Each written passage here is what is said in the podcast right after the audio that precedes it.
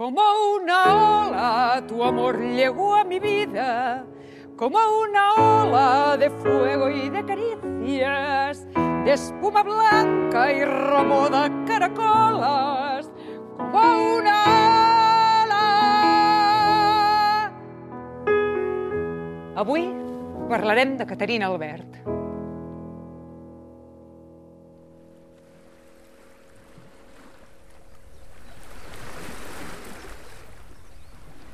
Catalunya, any 1896.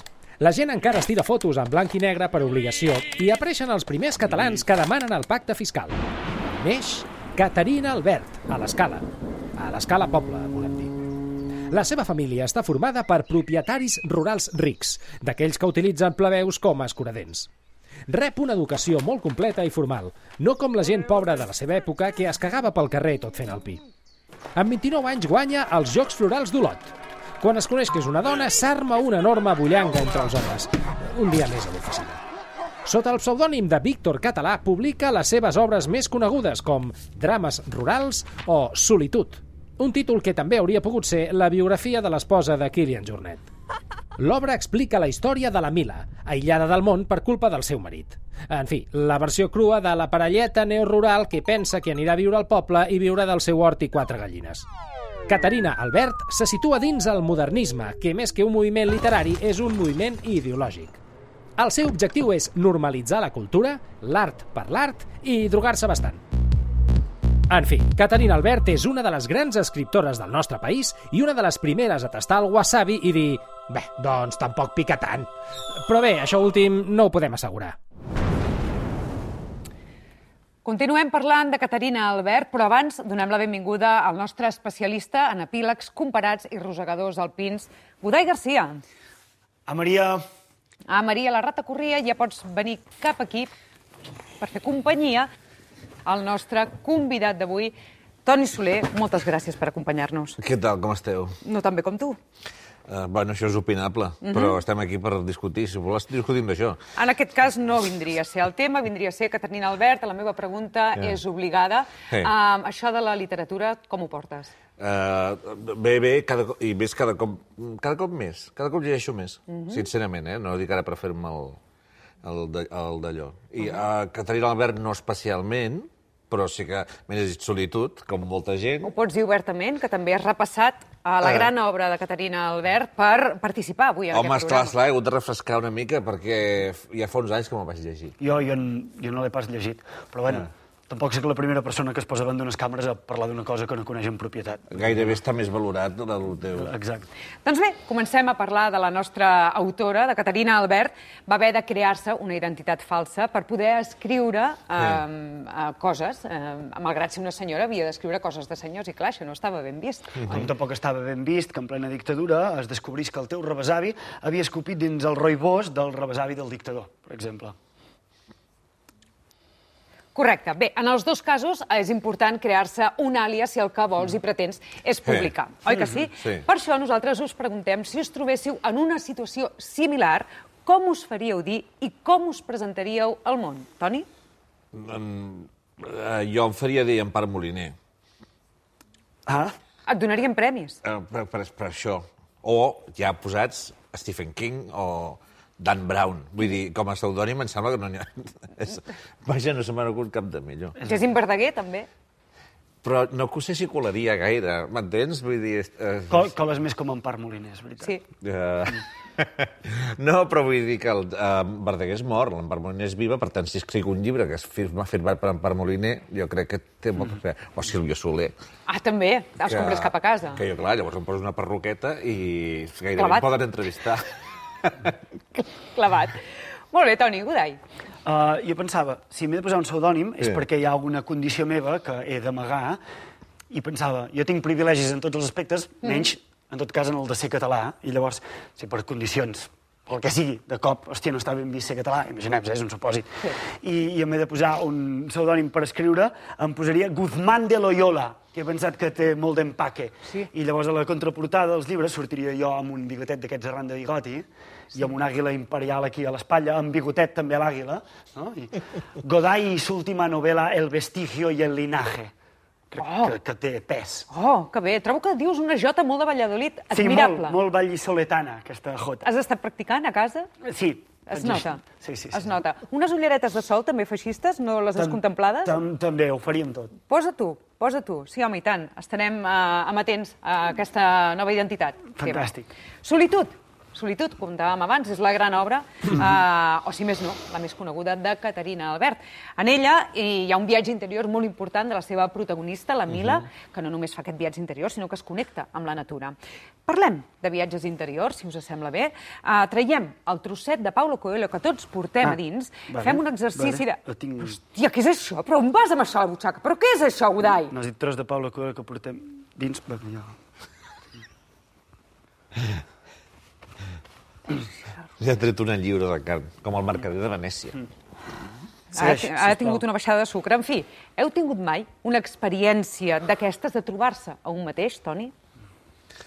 Uh, jo és que sóc bastant despistat. Uh -huh. Aleshores, comprendràs que si no, soc, si no trobo les claus de casa o la cartera, trobar-me a mi mateix vull dir, ja se'm fa com una muntanya. Vol dir que abans t'has perdut, també, Toni. Però jo Estàs crec... perdut, Toni? Bueno, però jo crec que la pèrdua, l'autopèrdua, és a dir, el no saber exactament on ets, és un estat bastant natural uh -huh. eh, de, de la- de l'ésser humà. I mentre no et trobis, continuaràs buscant. Per tant, em sembla que és una actitud que no està malament. És una constant a la teva vida. Eh, la veritat és que sí. Com respirar. Mm, bueno, no tan constant, perquè jo respirar respiro cada X segons. En canvi, el de buscar-me, sí que hi ha moments que dic hòstia, que gilipolles que era jo fa un any, i això ho, ho vaig dient cada any. Mm. Però... Si vas a casa a les 8 de l'espre i dius, mira, ara jo fins demà al matí no em buscaré. Exactament, exactament, em busco estones, eh? Però jo crec que el cas de la, de la, de la Mila és més fotut, perquè és un personatge de muntanya, amb, eh, vull dir, està molt sola i amb molt de temps per pensar. Clar. Molt bé. Udai, en el teu cas?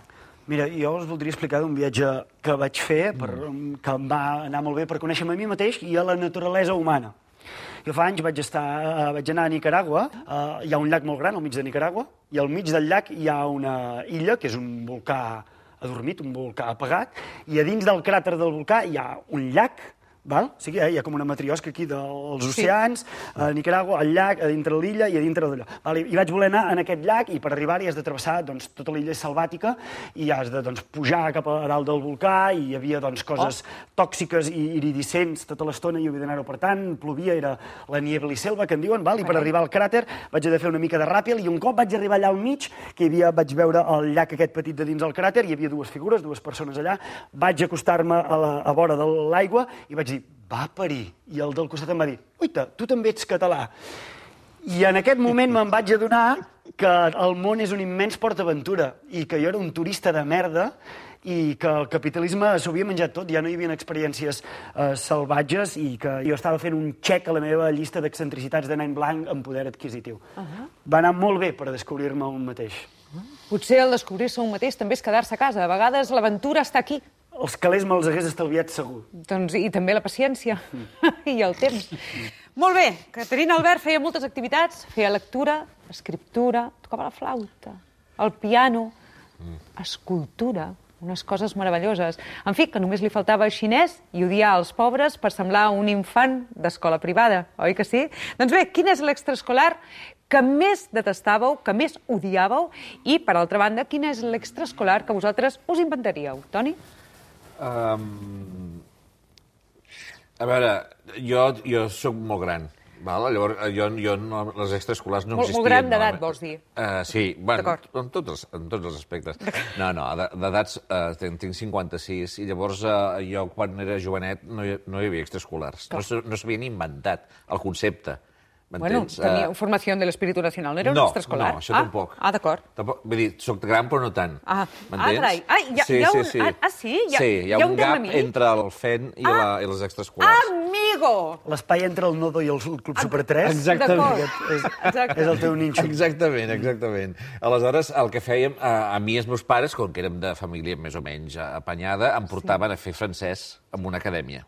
Perquè el francès era l'anglès d'aleshores. Sí, era, el futur de les... Era el l'idioma important de, de, de, de quan jo era jovenet. I després, bueno, jugava a bàsquet o futbol, però tot això fora de l'escola. L'escola, De forma quan- salvatjada. L'escola ens expelien, eh, diguem-ne, eh, i no volien saber de nosaltres fins l'endemà. Molt bé. I ja està. I aquella que t'inventaries? Eh, mm, No, jo, jo crec que els nens, quan abans tornin a casa, millor. I que siguin expel·lits de l'escola també Eh, és important. mm, Sí, clar, és que, és que tu vols ser expel·lit, vull dir, vols sortir disparat d'allà. Bueno, només de l'escola. De... M'agrada la màxima de menys extraescolars. Sí, Està bé. sí, sí. Si no ens n'inventaríem cap, en trauríem d'extraescolars. Aquesta vindria a ser la màxima, Jo eh? La sí, premissa. després cadascú es busqui la vida. Mhm, Molt bé. D'acord. Godai, Jo tot el que tingui a veure amb esports ho trobo horrible. Tot el rotllo de, com a canalla, forçar, obligar el teu infant a competir, fora. competir esport, contra fora. tu mateix, Ah, horrible! ah, és quina horrorós. misèria. I, en canvi, un extraescolar que a mi m'hagués anat molt bé, que crec que s'hauria d'implementar ja, és ensenyar a la canalla a fer foc. Fins l'art de la combustió, fins i tot en territoris hostils. O sigui, un, crec que un país que tingui una mainada, que sàpiguen cremar coses, és un país feliç.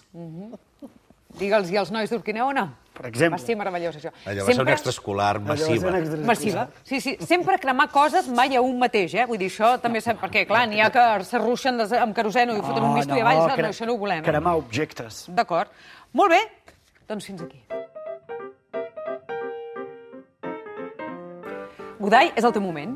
Bueno, és el meu moment. El, el, el temps no es pot tenir eh, a l'Hisenda. És com intentar atrapar l'olor de la mar o, o un rossinyol, per exemple.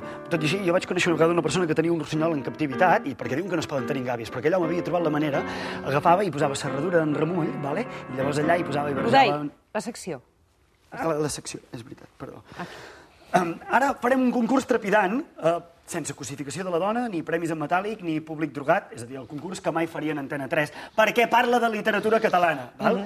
Jo el que faré és que us diré unes dades de la vida de Caterina Albert i vosaltres heu de pensar qui o què també compleix aquesta sentència. Ah. I us diré una, uns titulars. D'acord. Uh, jo us passaré aquests llibres. Jo, uh, li passes, sisplau? ah, d'acord. val. Mercè. I els, els poseu a la falda i Uh! els obriu. Val? Això seran els pulsadors.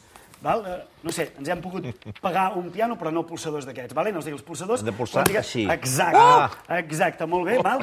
Qui tingui la resposta, sí, uh, perquè sigui no els havia obert en, en aquests últims anys. Uh, qui tingui la resposta, que tanqui el llibre amb ímpetu. Val? I jo, així tindreu el torn i responeu. Matem-ho. Sí, matem-ho. Això com que ha de ser dinàmic, fresc, uh, Eduard, m'hauries de fer un, un ragtime frenètic. Si et En fa bé. major? En fa major va bé? Um, el fa major ens agrada, sí. Som-hi. Primera frase, heu de pensar qui també compleix aquestes característiques. D'acord. Mor a la mateixa població que neix.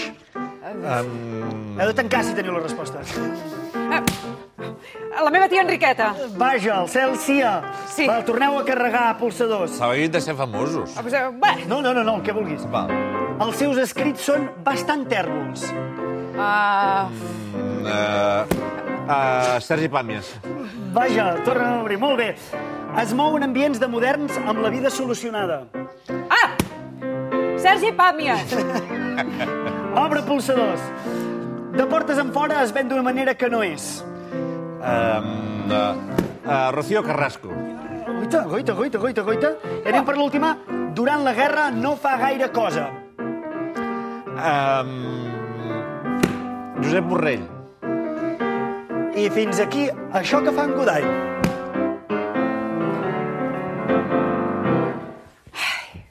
Sempre excel·lent, Godai.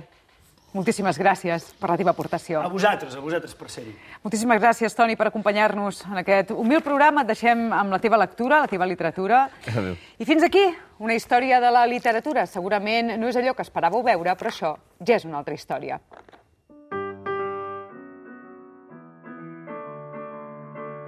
Brunisenda, Sí, Guifré.